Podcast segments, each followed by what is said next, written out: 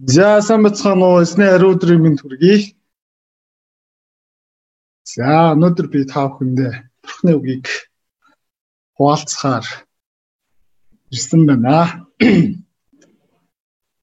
За бэлгсэн эмэгтэй өргөл Марк 12-ын 35-аас 44. За гол ишлэл Марк 12-ын 44. Учир нь бүгд илүүдлээсээ хийсэн атлын нэмэгтэй ядуу хэрнээ өөрт байсан бүгдээ амь суулганда хэрэгтэй байсан бүхнээ өглөө гэв. За хамтдаа зөвлөрөө.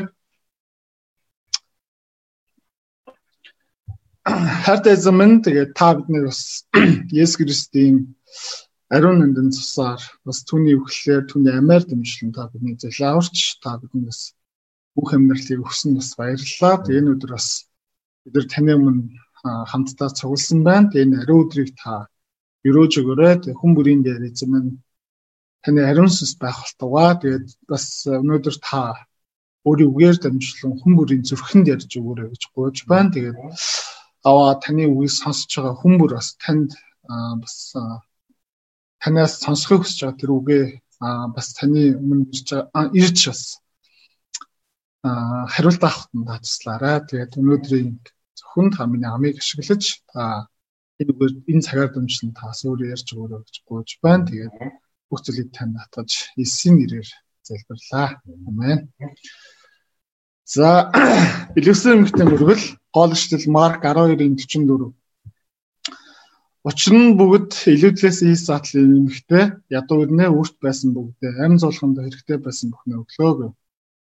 За өнгөрсөн 7 хоног бид нар Есүс Христ бурхныг бүх сэтгэл бүх зүрх бүх оюуханаараа харилцахаа үзсэн байгаа. Тэгээ өнөөдрийн бас номлол тэр номлын бас үргэлжлэл гэж бас хэлж болно. Тэгээд нэгэн билевсэн эмэгтэй бас хэрхэн яаж өөрт байгаа бүх нэрээ бурхныг хайрлахыг харуулж байгааг бас хамтдаа суралцах болно. За эхний хэсэг Есүс бол бурхны хүү. За Есүс нэгэн синагогт очлоод тэгээд э, энэ удаад хуулийн багш нар бас юу зааж байгааг бас юу зааж хаад бас анхаарлаа хандуулсан байгаа.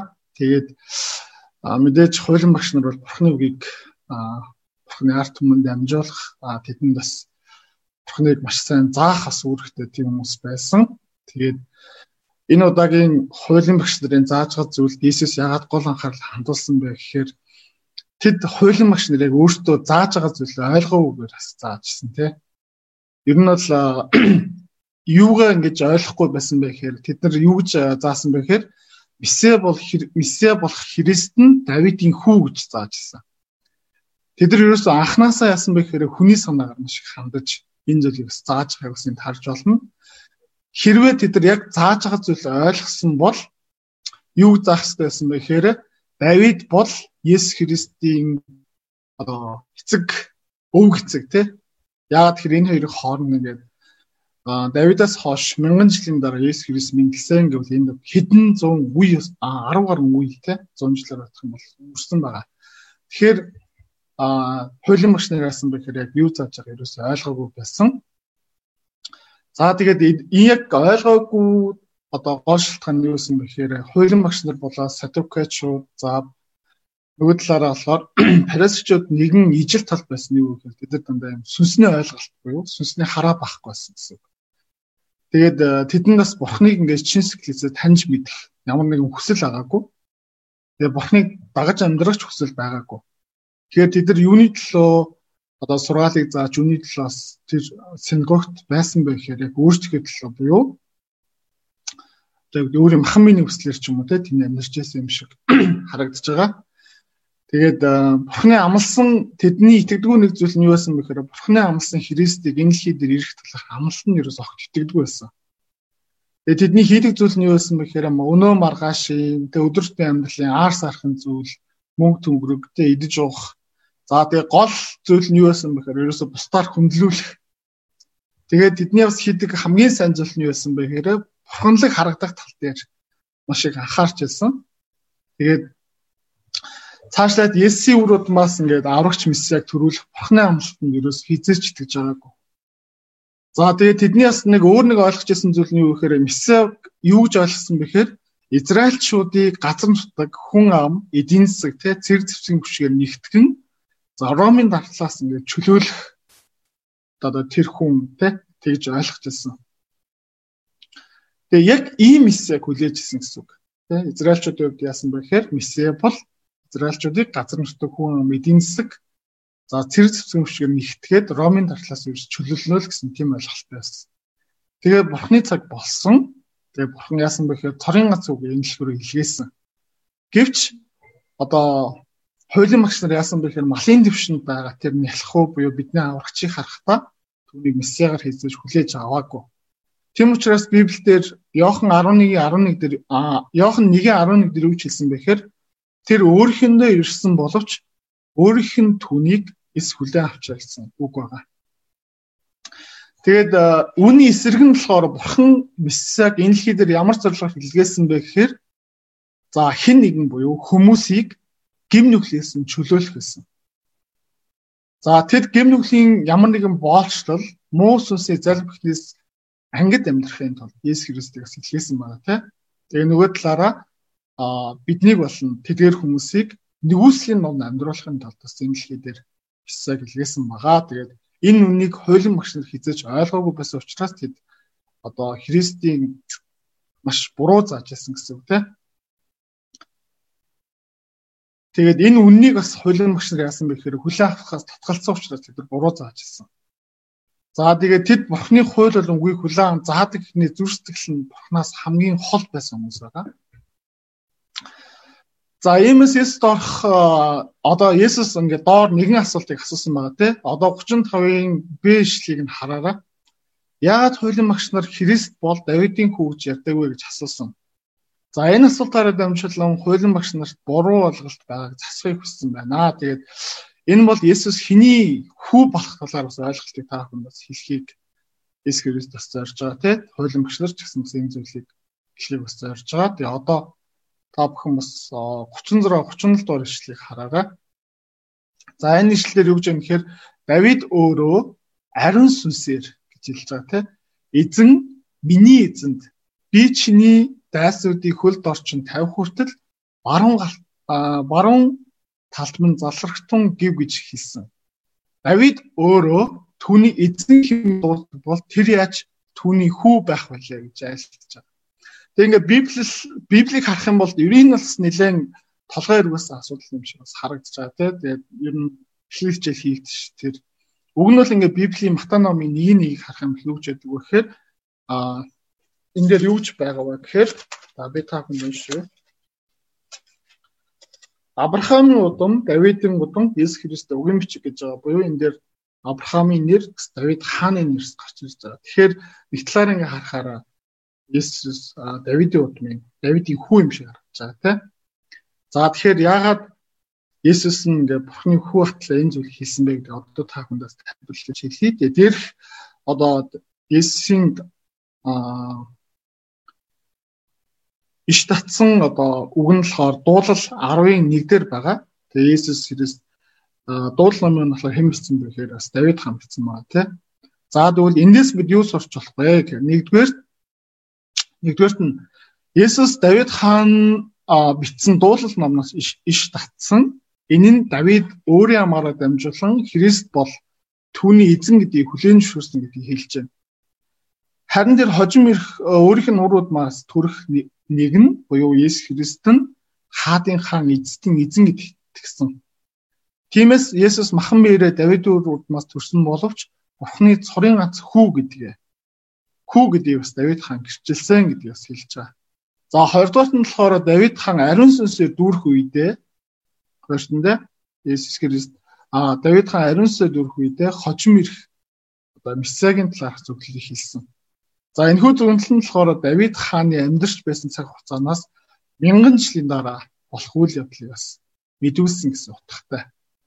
Тэгээ энэхүү зөвнөл нь болохоор лидер их мессагийн тухай байв. Тэр нь түүний удмаас Иесус Христ буюу мессаг мэдүүлэх тухай байсан.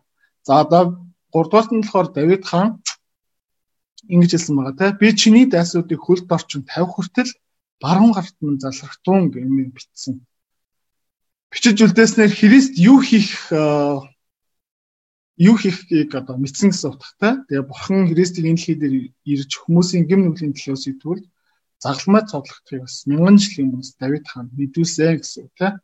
Тэгээд мисээ өглөөс амлж Бурхны баруун гарт бас заларна гэдгийг бас Давид хаан бас хэлж байгаа тийм. Тэгэхээр Христ бол эндээс бид юу харах вэ гэхээр Христ бол Бурхны цорын ганц хүү гэдгийг бас энэ гэрчилж байгаа гэдгийг бас бид нар сурч болно. За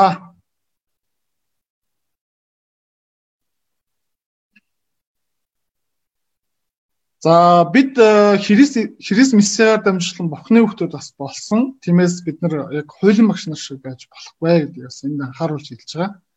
Тэгээд яагаад хуулийн багш нар шиг болохгүй байж болохгүй гэхээр бид нар бас Бурхан ингээ бүрэн дүр итгэх хэрэгтэй. Тэгээд цаашлаад бас бидний амьдарч байгаа амьдралын хэм маяг өдрөөр гаргаж ирж байгаа цан хандлага байгаа байдал маань бүх зүйл маань бас мөнхийн улсын хүсэл найдвартай амьдрах хэрэгтэй гэдгээс энэ зааж байна. Тэгээ ингэж амьдрах үед бид нар энэ дэлхий юунд ч хорогдохгүй.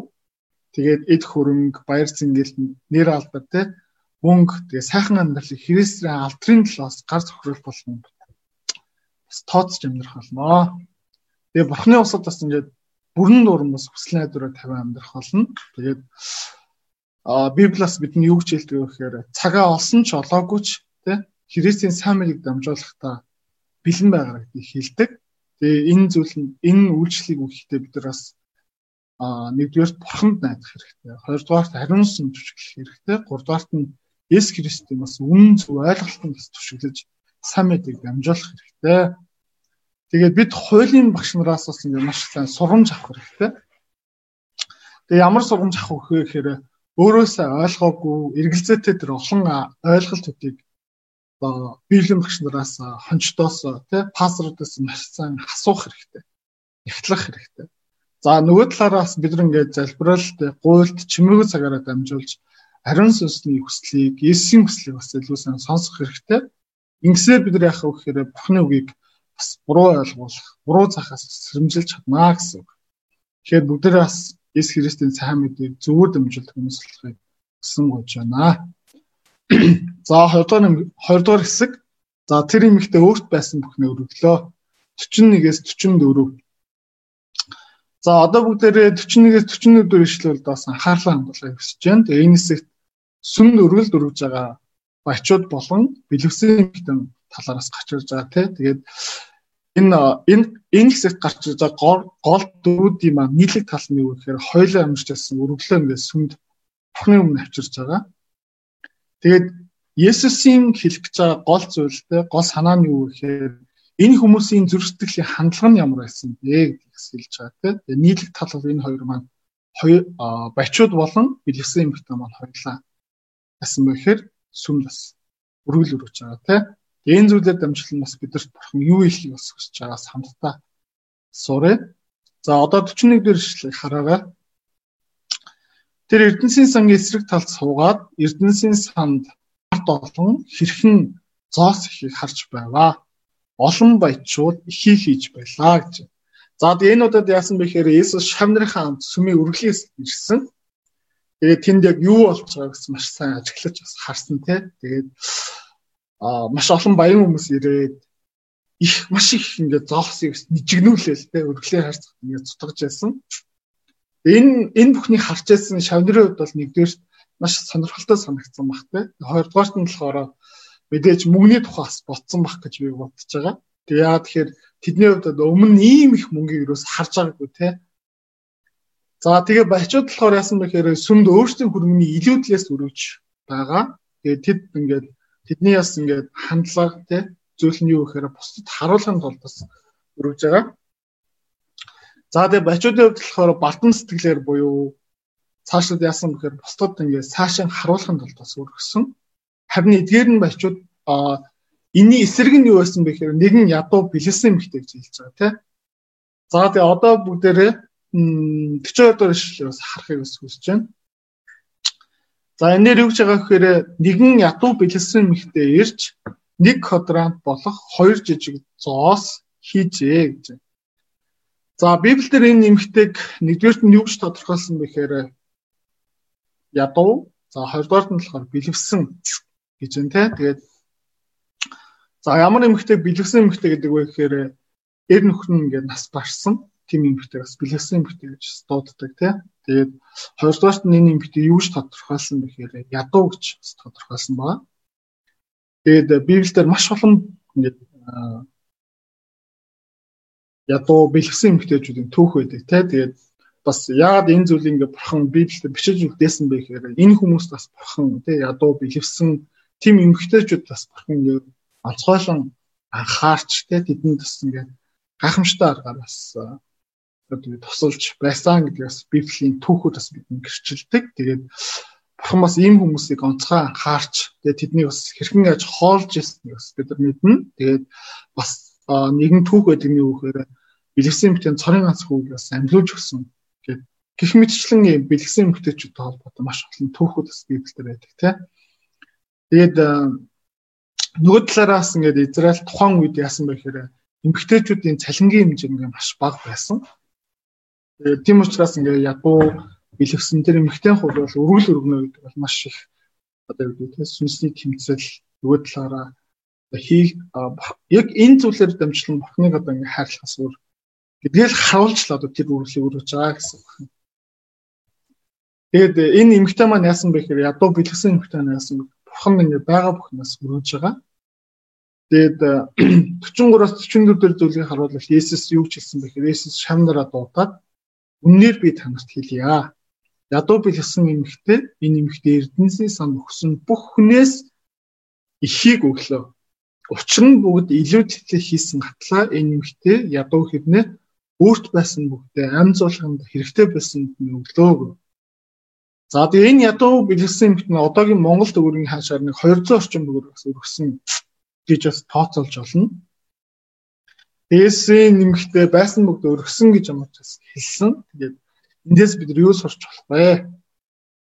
За гэдгийг бас та бүхэндээ ухаалцъя. За тэг хүмүүс чанараас илүү хэмжээг ингээд харж харцангуй үнэлдэг. Ер нь бол тийм те. Хүмүүс чанараас илүү хэмжээг нь хардаг. Энэ хэр ихийг өргөж जैन те. А тэр тэр өргөлийн цаана энэ хүн чин сэтгэлээс өргөж байна уу? гэдгийг ерөөсөө хүмүүс хартгүй гэсэн. А ийм байхад Есүс яадаг вэ гэхээр хэмжээнээс илүү чанарыг харж үнэлдэг гэдгийг бас эндээс сурч болно. Нэгдүгээр өргөлийн чанар гэсэн үг тийм. Өөрөөр хэлбэл Есүс хүмүүсийн өргөдөг өргөлийн хэмжээнээс илүү өргөж байгаа өргөж буй хүний зүрх сэтгэлийг харж үнэлдэг гэдэг. Бид нар бол ингээ хүмүүсийн зүрх сэтгэлийг харж мэдэхгүй. Гэтэ Есүс тэр таны одоо яг нэг бурхан байгаа тэр өргөлийн хэмжээнээс илүү тийм зүрх сэтгэлийг чинь харж байгаа гэсэн хэлж байна. Тиймээс Иесус энэ бэлэвсэн эмхтэн өргөсөн үргэлийг маш өндөрөөр бас үнэлсэн байна. За Есүс болоод бурхан бурхан хүний зүрх сэтгэл ингээ хамгийн чухал гэдгээс харуулж байгаа тийм. Тэгэхээр Есүс болоод бурхан таны зүрх сэтгэл хамгийн чухал аа гэдгийг харуулж байгаа. Таны зүрх сэтгэлийг ингээ маш их харж байгаа шүү гэдгийг бас энэ хэлхийг хүсэж байна тийм. За баячууд бодлоор яасан бэхэд байгаа илүүдлээс өргөсөн бол ядуу болгосон эмэгтэй ядуу тарчиг байдлаасаа бүхнээ ингээд бурхан өргөж байгаа харж байна тийм. За тэгээд энэ бэлэвсэн эмэгтэй ингэж өөрийгөө бүрэн нүрэн зориулж чадсан цорын ганц шалтгаан нь юу вэ гэхээр та бүх юу гэж бодож байна те? Ганцаараа яриад л царай. За ямар ч гэсэн бэлгэсэн эмэгтэй ингэж өөрийгөө бүрэн дүрэн зориулж чадсан цорын ганц ингэ шалтгаан байгаа. Тэгээ тэр шалтгаан нь юу вэ гэхээр тэрээр бүх зүрх, бүх сэтгэл, бүх оюухан, бүх хүч чадлаараа эзэн бурханаа ингээ хайрлсан учраас бас энэ зүйлийг хийсэн байна. Тэр эмэгтэй бүтээгч бурхан, аврагч бурханы агуу их хайрыг бодох тусам за би дахиад хэлв те тэр эмэгтэй бэлгэсэн эмэгтэй мань яасан бэхээр бүтээгч бурхан, аврагч бурханы аав их хайрыг бодох тусам бурхныг ингээд чин сэтгэлээс хайрлахаас өөр аргагүй байдалтаас хүрсэн гэдгийг бас түүний амьдрал буюу түүний бас үргэлж гэрчилж хэлж байгаа. Тиймээс ядуу тарчиг байдлаас байгаа бүхний урахад гэдэг бурхан бас үргэлж чадсан байна.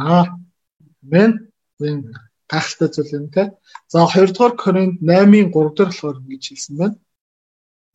За учир нь тэд хэр чадлаараа болон хэрээсэж илүү сайн дураараа өргөснийг би гэрчлэнэ гэж Илч Паул ингээ Македон чуулганы итгэгчдээ итгэлийг бас гэрчилсэн байгаа тийм. За тэгээд энэ маань юу гэсэн утгатай вэ гэхээр Иерусалим чуулганы итгэгчдийн тарчиг зүйн байдлыг Иерусалим чуулганы итгэгчдийн ингээд тарчигдүү байдлаас сонсон Баптины итгэгчид өөртөө ингээд өөрт нь байхгүй байсан гэсэн тий байгаа бүхний асан гэж бурхан зориулсан тэр үргэлийг бас Паул ах маань тий Паулч Паулс энэ дэр бас ингэж гэрчлэн хэлсэн байна. Тэгээд юу гэж хэлж байгаа нөхөр Македоны итгэгчид нь үнэхээр сэтгэл гаргаж тэрээсээ илүү сайн дураараа өрөөлөр өсөн гэсэн хэлж байгаа. Энийн тэд яасан бэ гэхээр Есүсийн цусаар гин ба шидэглээс аврагдсан тэр авралын хайр ивэл нь үнэхээр их байсан гэдгийг ухаарсан.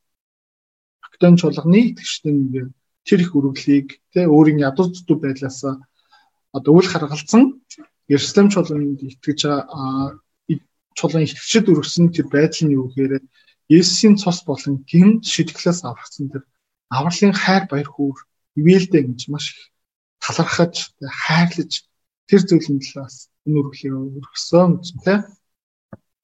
За тэгээ өнөөдөр бид эзэн бурхнаа халуун сэтгэл бүгд хүч чадлаараа хайрлаж чадвал эсний төлөө юу ч хийсэн баяр хөөртэйгээр талархлаар хийж чадах юм байна.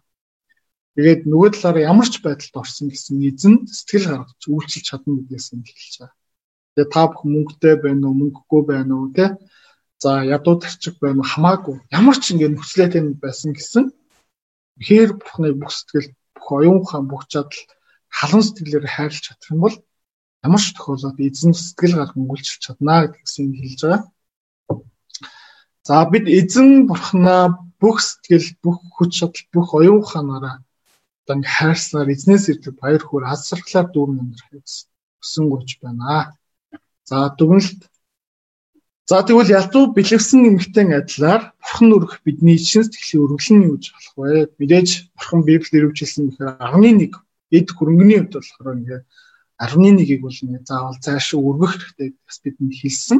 За тэгвэл нөгөө утгаараа ядуу бэлгэсэн эмгтэн адилаар бурхан биднийг өргөж байх тэр чин сэтгэлийн өргөлн бас юу байж болохыг би маш олон жишээ бас энэ дээр ингээ дурдж болох байна. Гэхдээ би ноол билж авах хэвээр ингээ 2 жил бас та бүхэнд хуваалцахыг хүсэж байна. За нэгдүгээрт нь болохоор чин сэтгэлийн гимшил.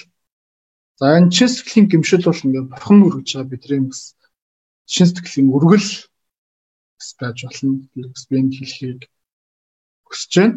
Тэгээд бид олон жил ингээ библи судлал хийснээр зүр сэтгэл маань маш бартан болсон байдаг тийм олмоор энэ дэлхийн хүмүүстэй өөрсдөө харьцуулдаг. Тэгээ бид нар хинтээ өөрийгөө харьцуулдаг гэхээр Мөрчээс энэлийн хүмүүстэй өөртөө харьцуулаад тэгээд тэдний дэргэд ингээд зөвхт амьдраад байгаа юм шиг бас өөртөө эндүрдэг тийм. Гэвч бидний зүрх бурхнаас аль хэдийн холцсон байдаг учраас маш болгоомжтой байх хэрэгтэй. Бид нар холдоогүй гэж ингээд хэлэх үед тийм холдоогүй зүрхэндээ бодох үед бурхнаас бид нар аль хэдийн маш их холдсон байхаа үгээс маш сэрэмжлэх хэрэгтэй. Тэгээд Давид хаан бурхны өмнө гин үйлдэхтэй үүдээд тэгээд тэр яасан бэхээр дараа нь ингээд чин сэтгэлээсээ гимссэн. Тиймээс тэрээр дуулах номд юу гэж ингэж дуулсан байдаг вэ гэхээр Бурхан нүргэх үргэл бол имтэрсэн гимшдэг зүрх. Хэмээн бас дуулсан байдаг те. Тиймээс бидний хийх ёстой зүйл нь юу вэ гэхээр түүний өмнө Бурханы өмнө ингээд өдөр болгон цаг тутамд те гимшдэг Бурхантай ярилцдаг тийм хүмүүс болох хэрэгтэй гэдгээс нь хэлж байгаа. Тэгээд чин сэтгэлийн гимшил нь бурхан өргөх чин сэтгэлийн өргөл юм аа. За хоёрдугаарт нь болохоор а нэг нэг нэг библи хичээл байгаа. Тэгээд та хүмүүс яг одоо бодож үзээсэй гэж хүсэж байна тийм. Яа би нэг заавал а өргөлд оруулж тийм бурханд одоо бурхантай ярилцах тэр цагуудыг та бүхэн нандин тооцож гэж би бас бодож байна. Тэгээд яг одоо хизээ библиас хүч унснаа санахыг хүсээрээ. Тэгээд хизээ библи хичээл багш хончиндоо тий одоо бурхны талаар ярилцаж сэтгэл хавааснаас санаж байна уу? Тэгээд хүн махамын хүслээр ингээм амьдрах үед бурхны өссөн хараа хүсэл зорилгоо гээж эхэлдэг. Махамын ярил ерөөсөө ингээм амьдраад эхлэх юм бол бурхны өссөн хараа хүсэл зорилгоос гээж эхэлдэг тэгээд энэ ковид үед ч гэсэн бас бид хэм бүгдээр маш болгоомжтой байх хэрэгтэй тэгээд бидний миний хувьд ч гэсэн бас энэ зүйлийг одоо бэлдэж явах үед бас эргэж харсан. Тэгээд Бурхны үггүй, Бурхан анхаарлаа хандуулахгүй байх үед Библиэлд юу болсон аа Библи олон төх байгаа тий. Тэгээд энэ нөхрөл Ногийн үед Содом Гомораас хэрхэн сүнснийг хүмүүс анхааруул хэлдэг тийм энэ болохоор бурхны үгэнд анхаарлаа хандуулаагүй бурхны чин сэтгэлээс хайрлж байгаагүй хүмүүс юм бас хамгийн том жишээ бол Содом Гомор байгаа тийм Тэд бурхнаас илүүгээр энэ дэлхийн сайхан зүйлсийг хайсан, хайрлсан учраас тэд мөхөж үгүй болсон. Тэгээд тиймээс бид ингээд түүхээс сургамж авч бурхны үгийг хайрлан нандинах хэрэгтэй. Тэгээд библи судлалын цагуудыг нандин тооцож тэгээд бурхантай илүү цагийг өнгөрөөдөг хүмүүс болцгой. Тэгээд нэг нэг бие хичээл хийх, хичээл хийх тийм ч ингээ амархан биш байдаг те. Болгон асуудал зэн байх зэрэг. Гэлээч бурхан таалагдахын тулд энэ үйлчлэл зүрхээ бүрэн дүүрэн зориулах хэрэгтэй. Тэгээд дагна байгаа бүх нас бурхан дөрөвдөг хүмүүс болохыг хүссэн гож байна. Тэгээд бурхан биднийг өрөөн сахилтваа. Өнөөдрийн номлолоос анхаарлаа хандуулсан та бүхнээс баярлалаа. Тэгээд энд хүрээд бас Монголын цай маань бас өндөрлөж байна. Тэгээд өдөрөөс хамтдаа залбирая. Тэгээд нэгдүгээрт нь ямар ч байсан хуулийн багш нар шиг те үгийг буруу зааж болохгүй. Тэгээд бас цагийн мөнгө хөрвж сонсдог хүмүүс болохоос хүсэн гоож байна. Хоёрдугаар нь ямар ч гэсэн бүх сэтгэл бүх оюухан бүх чадлаараас бурхныг хайрлаж байгаа бүхээ бас бурхан өргөдөг. Өргөсөн тэр энэ бэлэвсэн эмгтэй шиг бүгдээрээ таас тэгж амьдрахыг хүсэн гоож байна. За гол штэл учир нь бүгд элевзээс хийсэн хатл энэ эмгтэй ядуу ирнэ өөрт байсан бүгдээ амь зулгандаа хэрэгтэй байсан бүхнээ өглөөг за би ууж